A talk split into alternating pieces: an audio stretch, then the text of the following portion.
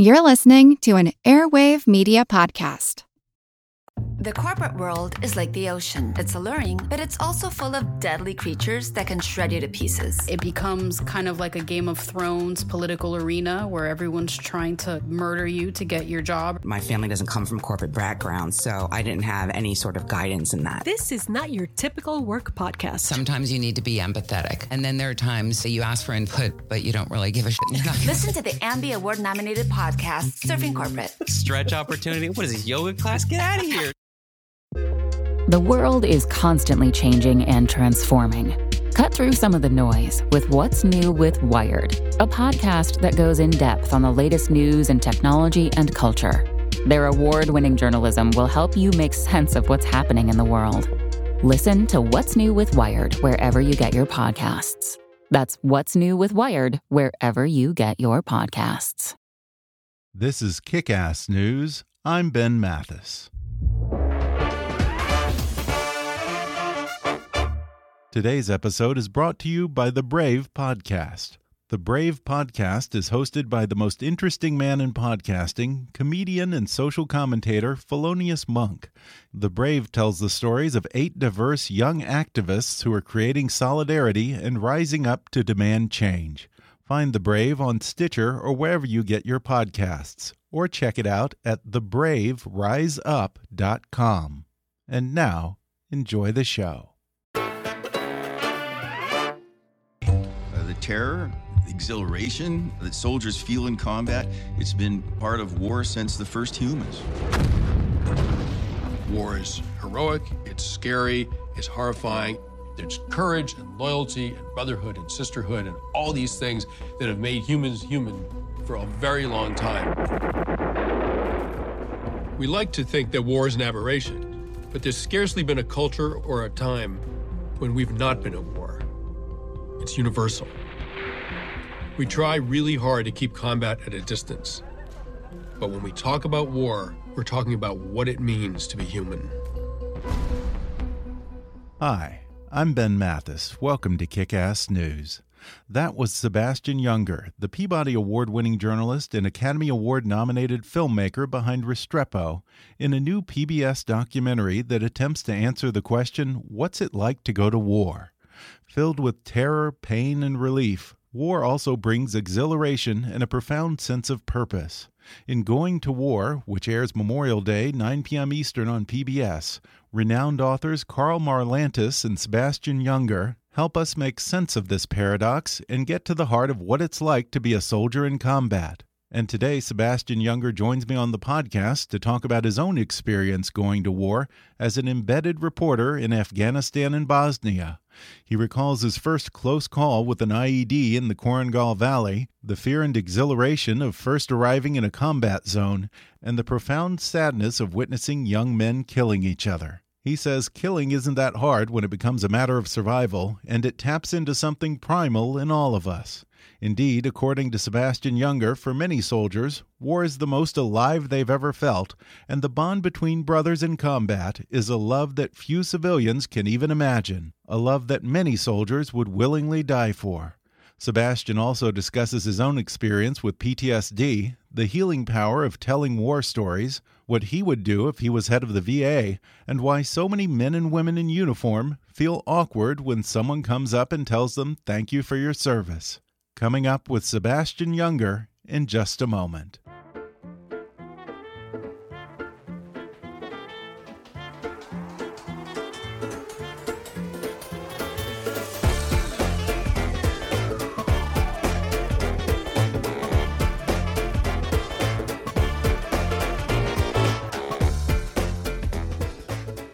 Sebastian Junger is the number one New York Times best-selling author of Tribe, War, The Perfect Storm, Fire, and A Death in Belmont. An award-winning journalist, a contributing editor to Vanity Fair, and a special correspondent at ABC News, Junger has received a National Magazine Award and a Peabody Award. He's also an acclaimed documentary filmmaker behind four films, including Restrepo, which was nominated for an Academy Award and won the Grand Jury Prize at Sundance. Now he's featured in a PBS documentary called Going to War, which airs Memorial Day, May 28th at 9 p.m. Eastern. Sebastian Junger, welcome to the podcast. Thank you very much. Well, Sebastian, war is a subject that you keep coming back to time and again, whether it's your books or your documentaries. What is it about war that makes it such an inexhaustible subject for you? It's part of our human behavior, stretching back hundreds of thousands of years.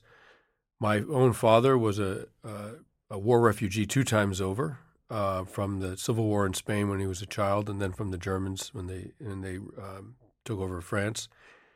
Um, and I, you know, I grew up in a very sort of safe suburb, and I was very curious about the sort of ultimate catastrophe. And I went off to war in the early '90s to cover the Civil War in Bosnia, you know, before the U.S. was there, obviously. And I continued covering civil wars as a journalist, and eventually wound up with American soldiers in East, Eastern Afghanistan in 2007. So Bosnia was your first assignment in the field of combat. It wasn't an assignment. I just put a sleeping bag and some notebooks in a in a backpack and a change of clothes and I got five thousand bucks and I, and I, went there. really? And in the documentary, yeah. you talk about witnessing how the war in Bosnia actually brought people together. And even afterwards, people still talked about having a sentimentality for the war and even longing to return to those days. That's shocking for me and probably a lot of Americans. Most of us can't imagine wanting to go to war once, much less twice. Yeah, I mean, humans instinctively group together in a crisis. Uh, I mean, humans do not survive alone in nature. We die if we're alone. And the worse things are, the more collaborative we become in order to survive. And war, in some ways, is the ultimate catastrophe. And that brings out very exceedingly pro social behaviors in people. And that group identity becomes very, very important. So civilians in a war zone like in Sarajevo, you know, they organized um, home militias to defend their neighborhoods, and they grew grew um, vegetables in the vegetables in the in the median strips of, strips of their highways and and sheltered in basements together. And and essentially they reverted to our ancestral past as humans. And interestingly for all of the suffering I mean one in 5 civilians was killed or wounded in that civil war. They were basically you know, you know, being used for target practice for 3 years by the Bosnian Serbs um, for all of the terrible suffering. A lot of people afterwards a lot of civilians said that they missed the war because they miss the unity that it, they experience. That's the core human. That is our core human value is is unity, and when we experience it like that, it's very hard to give it up. It reminds me a lot of what Brits who survived the London Blitz say. They always talk about sheltering in the tube stations as this collective experience and remember the songs of the era and Churchill with a fondness that almost seems to dwarf the horrible memories of the Blitz. Yeah, exactly. The Blitz is a great example of it. And one of the characteristics of disasters of all sorts, including war, is that it erodes the class distinctions that are um, uh, that bedevil modern society, Western society, uh, and obviously in England too. Uh, so if you're sleeping shoulder to shoulder with complete strangers in the tube station during a German air raid, I mean, it doesn't matter if the person next to you is rich or poor, black or white. It doesn't matter. And there's and there's a wonderful sort of liberation from these awful social identities that happens in war zones and, and in any catastrophe. There, there I studied a, I looked at a, um, in, my, in my book Tribe, that talks about precisely this, this community aspect of human existence and what happens when you lose it. I looked at a, uh, a, a um, earthquake in Italy, Avezzano, Italy, in 1915 or 16, something like that, and, 90 some percent of the population was killed in under a minute, and basically they were hit by a nuclear weapon, except it was an earthquake, and and the survivors had to had to um, make do for days before before outside help got there, and one guy who survived this and wrote about it said that the earthquake had delivered uh, the earthquake had given them what the law promises but cannot in fact deliver, which is the equality of all men. As you rightly point out in Going to War, war used to be just a part of life. It, it, was even something to aspire to. Young men wanted to go to war to prove themselves and test their mettle and bring honor back to their family. Increasingly, though, modern society views war as an aberration or even a failure. Is there something that's lost when war becomes such a foreign concept to us? Yeah, I mean, we we've outsourced all of the means of our survival, our, our food production, our shelter, our security. Um, there's some amazing advantages to that. I mean, that frees people up to produce the incredible Western society, the incredible modern society that we have. We have medicine, we have rule of law, we have philosophy, we have art. You know, we under, we have science. We understand the origins of the universe to the first billionth of a second or something like that. I mean, it's absolutely extraordinary what we've done. But the, the the one profound loss is the loss of community, and, and we know that as as wealth, as affluence goes up in a society, as modernity goes up in a society, the suicide rate tends to go up, the depression rate tends to go up, and it's because of that individualization. Um, and so, the, you know, the arguably the trick is like, how can we have the benefits of modern society but remain in this in this in a in a close group? I mean, and it's not just about the fact that I don't grow my own food or what have you. I don't depend on the people around me for those things either. You know, when I grew up in a suburb and the, the people that lived around me and the homes around me, I didn't depend on them for anything. I, I didn't even know them, right? There's a real human loss yeah. in, in that. In your most recent book, Tribe, you take this concept of wanting to find common purpose and be part of a community beyond just the military context to broader society. But there's been so much talk over the past years about the growing tribalism in America. Do you think the real concept or purpose of a tribe is being misused or abused now? Yeah, I mean, the word tribe is, is tricky. I mean, you can use it metaphorically to mean a, a group of people that have shared interests and concerns. But really, in a sort of human, in a, in a traditional human sense, it means the group of people that you um, spend your days and hours worth that you depend on for your own survival. Uh, mm. And that's obviously not what we're talking about when we talk about Democrats or Republicans being in a tribe. But that said, um, the idea of a tribal entity that you owe your existence to and that you depend on um, and that you're loyal to – that's a profoundly human experience. Uh, soldiers get it in a platoon in combat. Uh, it's possible to have it even in a group of 350 million people as a nation. I remember after 9 11 in New York City, uh, I live in New York, and, and um, the sense of unity in, in, in New York and in America as a whole transcended everything race, uh, income, whatever. We were all Americans for a little while. That is a profound sense of tribe. And I think that the the tragedy and the and arguably the crime that's been committed in the last few years is to turn the political parties into tribes, as if the opposite political party is somehow an enemy of the country. There's a yeah. zero sum game where one if one wins, the other loses. And there was a um, town hall meeting uh, with Governor Rick Perry uh, on CNN, and the, and um, Wolf Blitzer, I think, asked uh, Governor Perry if there was a person who did not have health insurance but needed an operation, and without it they would die, but they didn't have health insurance. What would he do? And before he could answer, people in the crowd and the audience started yelling, "Let him die." That's wow. not that's not people acting as a nation, and and and that has been inflicted on us by powerful people, and and we we must fight back. There, are probably better things to build a tribe around than politics, for sure. Well, listen, it's a great strategy if you want to win. I, mean, yeah. consolidating your appealing to people's tribalism is to consolidate your base, and they and you drive them to the polls, and they elect you. And the problem is you're consolidating your base and furthering your political career at the expense of the nation, of our mm-hmm. idea mm-hmm. of eh, being a nation that okay, maybe we have disagreements, policy disagreements, but we are all in this together for better or worse, like a family is. Of course, there are family fights, but that doesn't mean you're not a family. Ideally, that's how the political parties should see each other, and that our policy is a product of a kind of dynamic tension between liberal and conservative that produces something sort of just and equitable in the middle. That's the democratic ideal. And when you start talking about the other side being essentially criminals who are trying to undermine – the safety and welfare of the country, when you start using rhetoric like that, contemptuous rhetoric, you are destroying the country. I mean, no other country can destroy this country. We, are the most powerful country in the world. Al Qaeda can't destroy us. They can hurt us. They can't destroy us. Only we can destroy us, and we'll do it with words like that. And I'd be curious what the soldiers think when they see this, when they look back at what's happening politically on the home front with the contentious 2016 election, the ugliness and divisiveness in, in ways that almost seem unpatriotic.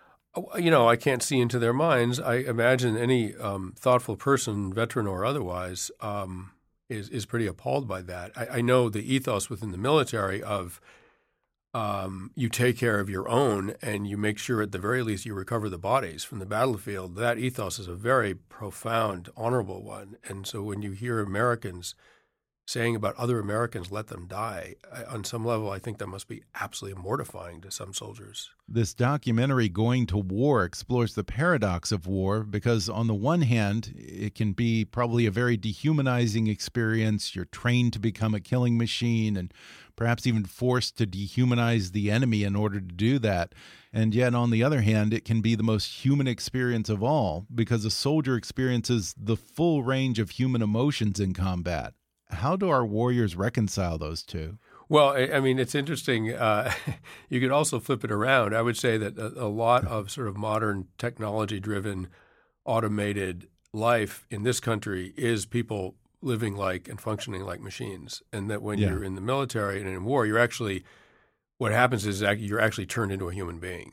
And you wow. are uh, profoundly aware of your own mortality the mortality of those around you, you there is some understanding, and this is for combat units, right? I mean, obviously, a very small percentage of the military is in combat, but particularly for people and those men and those mostly men in those units, um, the idea that, that the, the lives of others is more important to you than your own life is to you, um, that is a profoundly human thing. I mean, no other no other animal, even chimpanzees, our closest uh, relatives, our closest species. Um, they will not, even chimpanzees will not risk their lives for a same sex peer. Only humans do that. And so, yeah. and only humans do that when they have to, right? And when you put young men, young people in war, they what happens is that they lo- you lose the primacy of your individuality. That's no longer the center of your universe. The center of your universe is the group that you're in, and that I think I think that has characterized human life for hundreds of thousands of years. Modern society has freed us from that and a wartime situation or any catastrophe puts us back in that ancient way of being, and it's very, very human. Uh, yeah, in fact, I think in the documentary you say that for many of these soldiers, the deepest love they experience in their life is with their buddies in combat. Yeah, I, I mean, I, I, I'm not a soldier or a veteran, but from what I saw, that seemed to be the case. I think that that love is probably unrivaled until they have children. And you say that it's not just the big, bold emotions, but it's also just a, a general sense of sadness in war. Uh, describe what that's like from your experience. It takes a while to get to the sadness. I mean, war is a lot of things. It's it's very very exciting. It's very scary. Um, it can be intoxicating in some ways. It's very meaningful one way or another. It's exceedingly meaningful. If you're a journalist working in it, it feels like the high point of your career. Very serious, very serious work that you're doing uh, a lot of things that a person could get um, sort of addicted to in a way. And um, but at the end of the day, human beings, you know, war is human beings killing other human beings that are exactly like them, and uh, mm-hmm. uh, young young men mostly killing other young men that they would otherwise might find themselves being friends with. And that when you when you when you finally understand that, and it takes a long time because the the other experiences are sort of bolder and more colorful and more attention getting. But when you really understand that, it's a very, very, um, very, very sad feeling. And once you really tap into that sadness, it sort of wipes out the other stuff. And that's what mm-hmm. eventually happened to me after many, many years of war reporting. One of the aspects of this that's always sort of fascinated me is the actual process of making a warrior. Um, in basic training, a soldier gets yelled at, hazed, punished, put down in a way that for the rest of us probably seems borderline abusive. A civilian might ask, why is that necessary? Well, you're trying to turn people who have been individualized by modern society into people who put the welfare of the of their peers of their group ahead of their own, mm -hmm. uh, and it takes a certain amount of deconditioning. You know, I would say that any any group that depends on individuals to put the group first uh, conducts some kind of process like that. Um, Sport te- sports teams do it. Uh, street gangs do it. Um, uh, hunting and uh, and and warrior societies in small scale tribal cultures do it. I, I, mean, this is a, a, a universal human behavior when you're trying to get individuals to um, achieve a loyalty to the group that transcends their own self interest. We're going to take a quick break, and then I'll be back with more with Sebastian Junger when we come back in just a minute.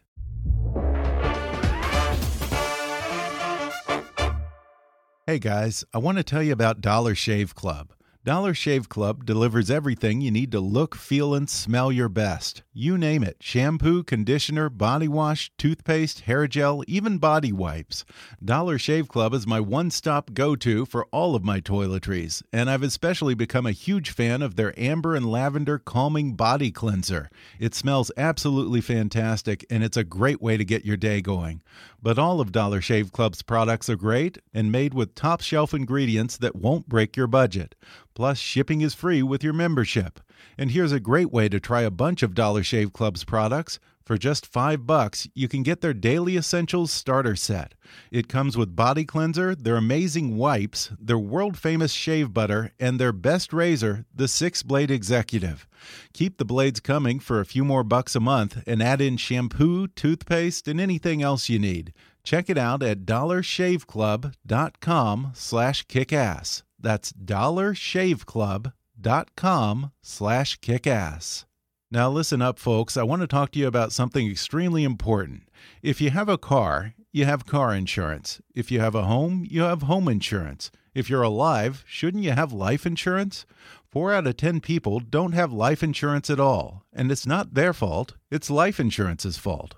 Shopping for life insurance is confusing and it takes forever, so Policy Genius made it easy. Policy Genius is the easy way to compare life insurance online. In just five minutes, you can compare quotes from the top insurers to find the best policy for you.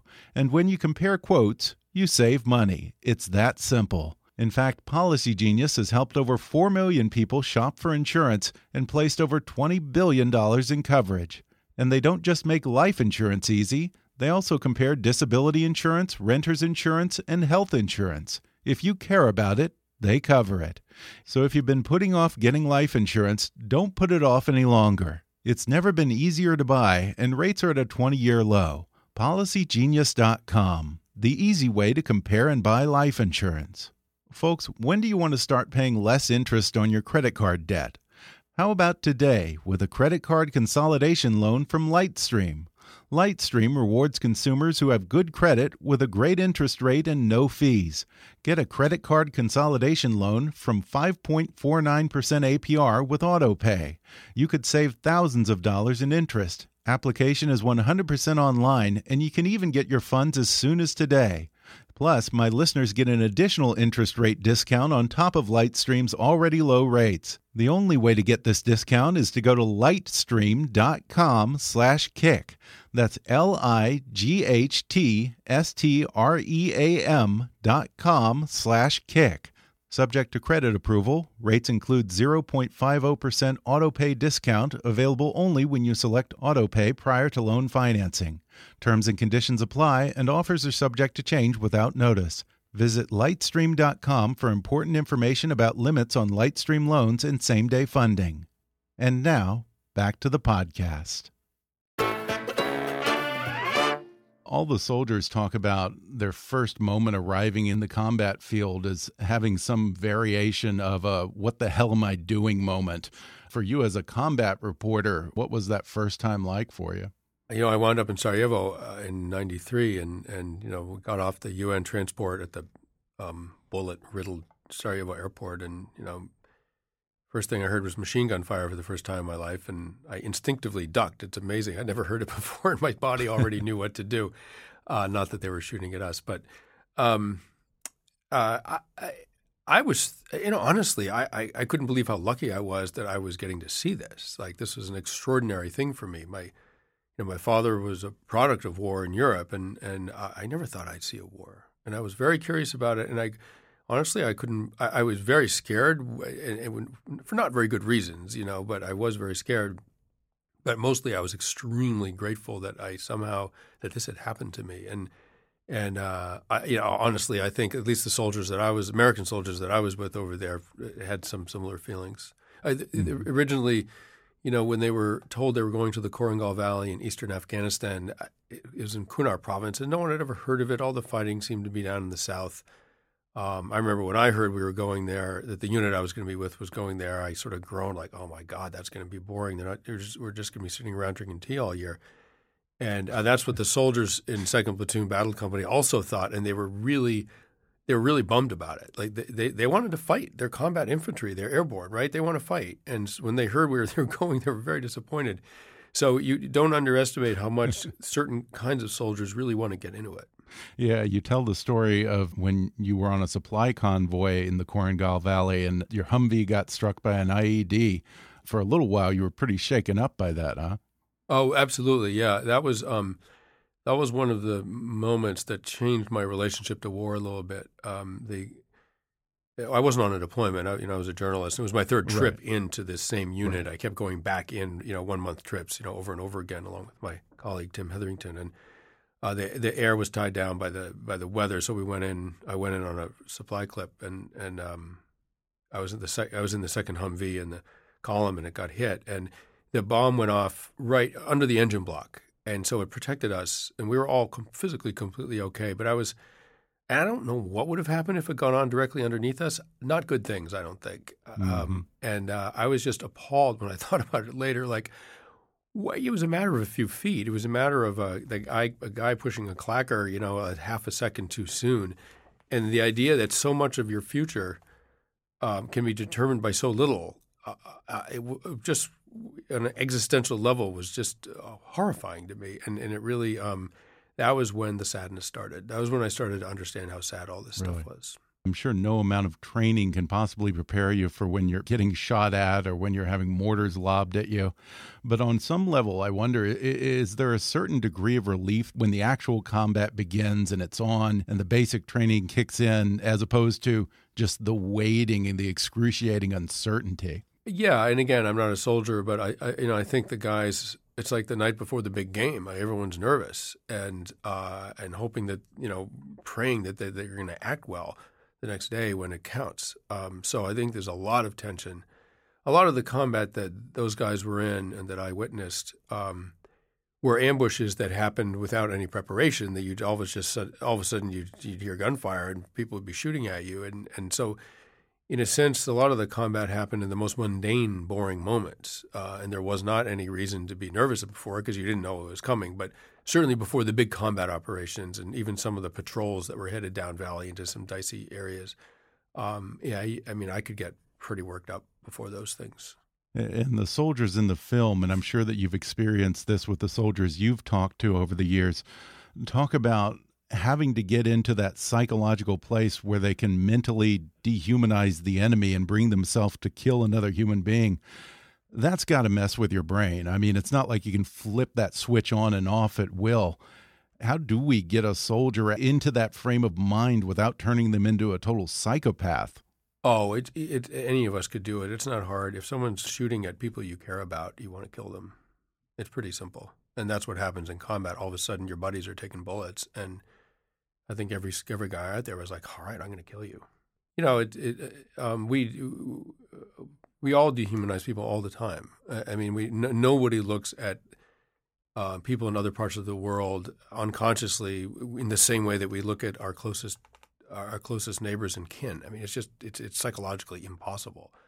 Mhm. Um, and if those people that you don't know very well are also trying to kill you, killing them is pretty easy. Is it frightening to the soldiers you've talked to when they realize that they're capable of actually killing someone else? I mean, for them, I mean, I asked one guy about it because they, they killed a guy on a hillside, and and um, you know, it was pretty dramatic. And and the, when they when they killed him, the guys were whooping, right? They were they're cheering. And I asked him about it because it felt a little ugly, you know. And uh, you know, I get the need. I, I get the. I understand the need to kill someone who's trying to kill you I, I completely, right? But you don't necessarily need to cheer afterwards. and uh, uh, you know, and this guy was running around on the hilltop trying to escape an A, you know, an A10 warthog that was coming down on him. You know, he didn't have a chance. And uh, and I asked about the cheer, and and this guy said, um, "I was cheering because that's one more guy who's not going to kill my brothers." It's really about that. Many of these men and women come back with PTSD. Um, interestingly, sometimes it doesn't even happen until long after their combat experience. In fact, I think one guy in the documentary said that he didn't have a flashback to Vietnam until 25 years later.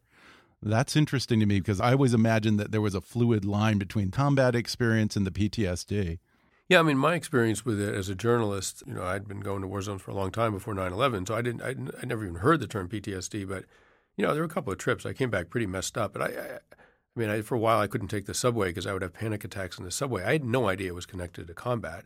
because there weren't any subway. You know, I was in Afghanistan starting in the mid '90s, right? So there were no subways in Afghanistan. Why would I connect that that experience with Afghanistan? There was no reason to, and it, it was PTSD. I now realize, and you know, for most, I think for 80 percent of people, PTSD resolves itself within a year, even without treatment. Uh, twenty percent, yeah, twenty percent get stuck in a kind of uh, a rut of a trauma loop that they can't get out of. But uh, if you think about it in evolutionary terms, if trauma were completely inca- psychologically incapacitating to a majority of people, um, you know, the human race wouldn't exist. I mean, every time a lion charged into camp, if everyone was psychologically paralyzed for the rest of their lives, we'd all starve to death. I mean, I, I mean, humans we're the descendants of humans that figured out how to how to recover from trauma pretty quickly. You say that you experienced some of what soldiers probably feel when your colleague Tim Hetherington was killed, even though you weren't there with him, you weren't even on the same continent.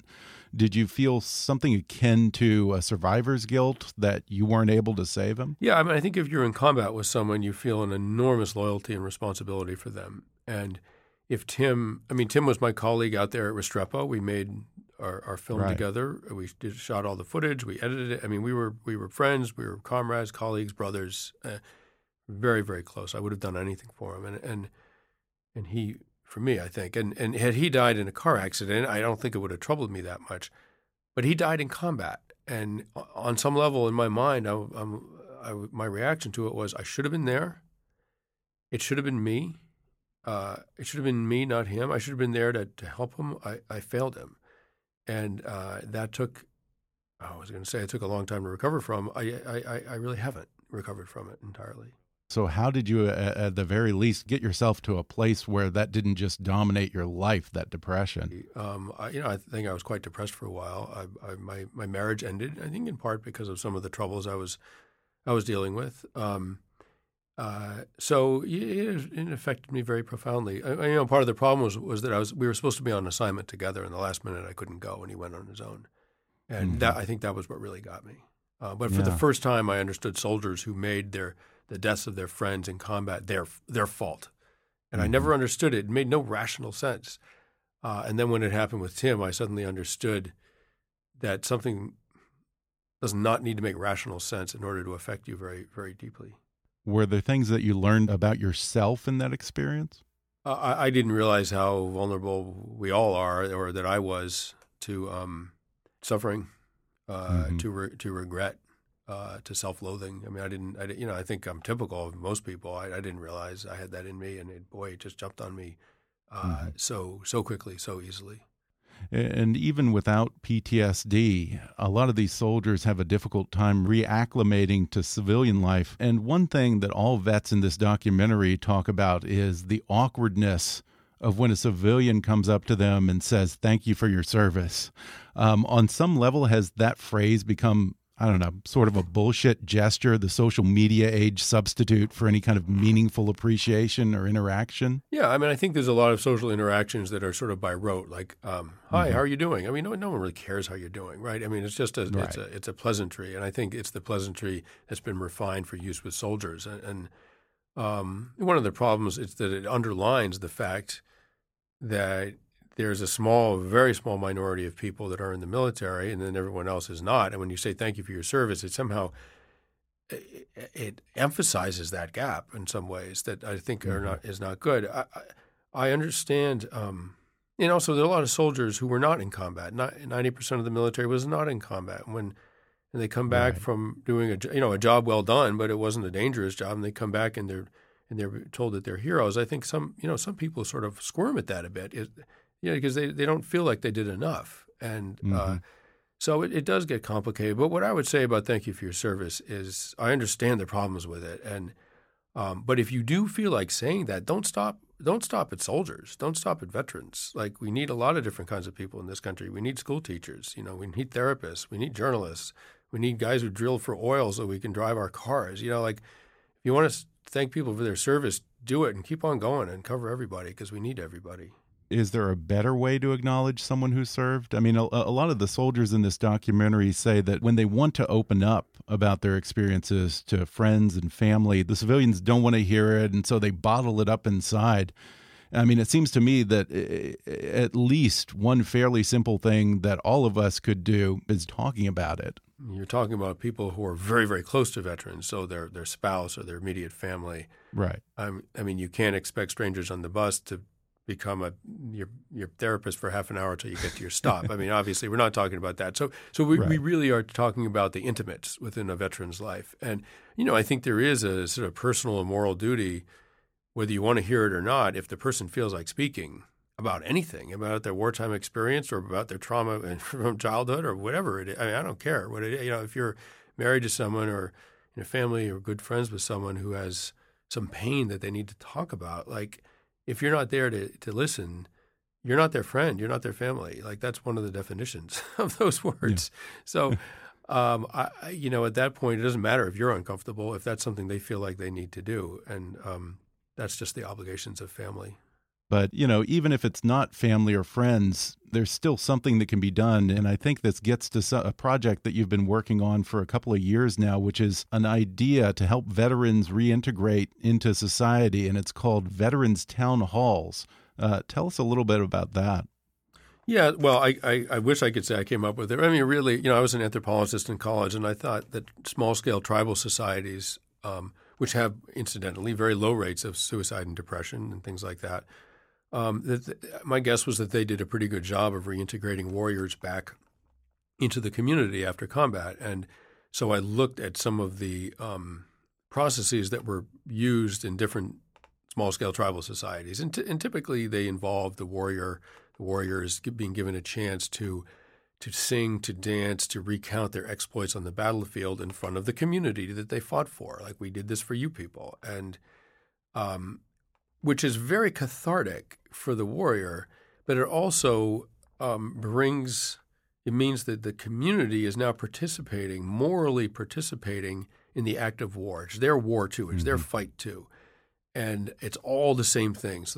And and that seemed very very healthy. Okay, we're not we're a nation of 350 million. We're not going to build a big campfire and all gather around it. Right? Obviously, that's not going to happen. But we all, how can we do this in a modern context? Well, we all live in communities every community, city hall, town hall, uh, has a sort of center. And and on Veterans Day, um, my idea is that, and we've started doing this. I, I partnered with Representative Seth Moulton of Massachusetts in the town of Marblehead, and now it's spreading around the country. On Veterans Day, you unlock the town hall. It's not being used for business anyway. You turn on the PA system, and basically any veteran of any war who served in any capacity has the right to speak for 10 minutes about what it felt like to serve the community and the nation in uniform.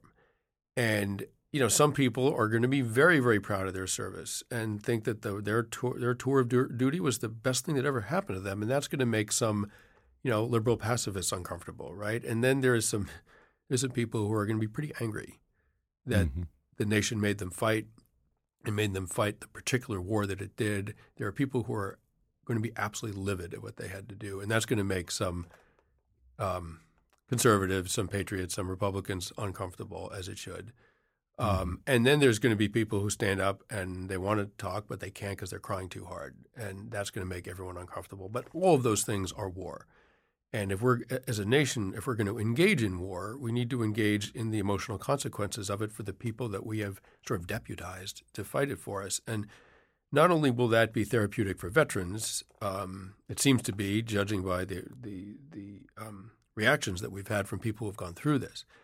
Um, it'll be therapeutic for veterans, but in some ways, more importantly, it will bind communities together. It will bind the nation together. It will make us all feel like we're part of something great and something noble and something where we're dedicated to each other and sharing in a, in the experience of being a nation. And that again, no other country is going to destroy this country, but we could destroy ourselves if we tried. And and I think these veteran town halls are a way of buttressing this nation against that danger.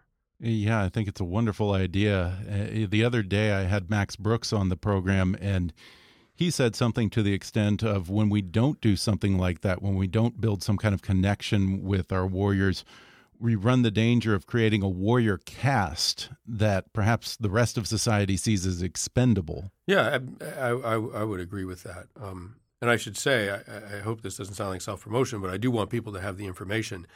If you go to my website, sebastianjunger.com, there's a page called Veteran Town Hall. And if you mm-hmm. click on that, it gives you very, very simple directions about how to do it. It costs nothing. And in your hometown, in your home city, try to set it up for, for next Veterans Day. It's an amazing, amazing experience. And having spent so much time with the men and women in uniform, you seem to be, uh, on some level, uniquely aware or in tune to their needs. Uh, suppose the president made you Secretary of Veteran Affairs. Before we go, uh, what would be the first things that you would want to change? Wow, that's an image. Uh, it's going to take me a moment to process that one. Um, okay. um, well, I what, in general, I, what do you yeah, see I mean, that needs heard, to be addressed? I heard that there's a, a a, a initiative to privatize the VA. I think that's uh, probably not a wise idea. I think I would mm-hmm. probably fight against that. And also, I would think, I mean, one of the most healthful things for people psychologically is to feel needed, to feel necessary, to contribute to the common good. So, what I, what I would want is for the clinicians, um, the doctors within the VA, to balance the good of taking care of people who are who need financial help after the war, to balance that good with the good of returning them to service to, in the society. If you warehouse people on $3,200 a month tax free, that they can basically live on for the rest of their lives because they have a service related disability of any sort. When you sort of warehouse people like that, you're condemning them to a lifelong struggle against feeling unnecessary and useless and ultimately depressed, which is not an outcome we want. So I think that basic sort of contradiction of oh if we if we take care of people we we put the, them at risk of feeling like they're not needed anymore like figuring that balance out i think is crucial to uh, really r- providing really holistic care of all of our human needs all of their human needs Absolutely. Well, Going to War airs Memorial Day, May 28th at 9 p.m. Eastern on PBS. Sebastian Junger, thanks so much for talking with me. My pleasure.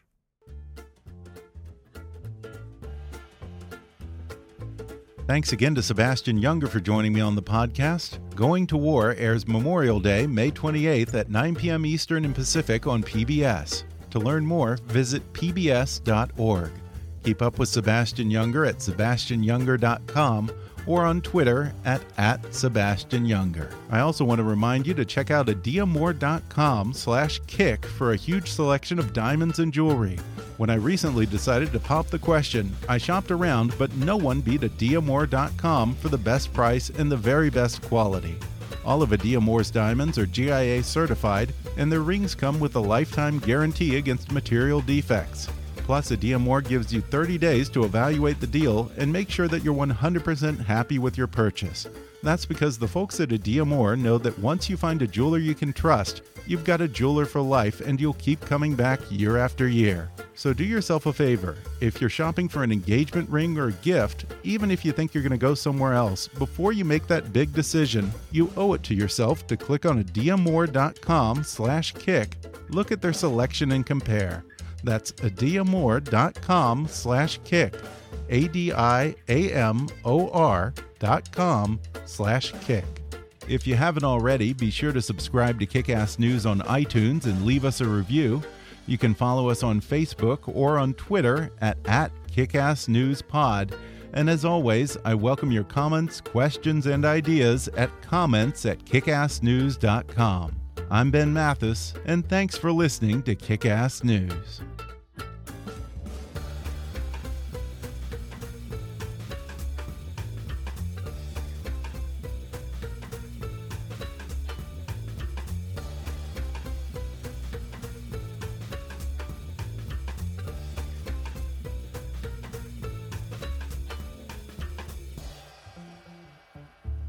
Kick Ass News is a trademark of Mathis Entertainment, Inc.